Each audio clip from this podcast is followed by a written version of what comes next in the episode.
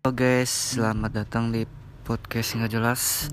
Kali ini gue mau uh, nanya-nanya nih sama teman gue yang namanya Ray. Dia katanya suka dibully di SMK.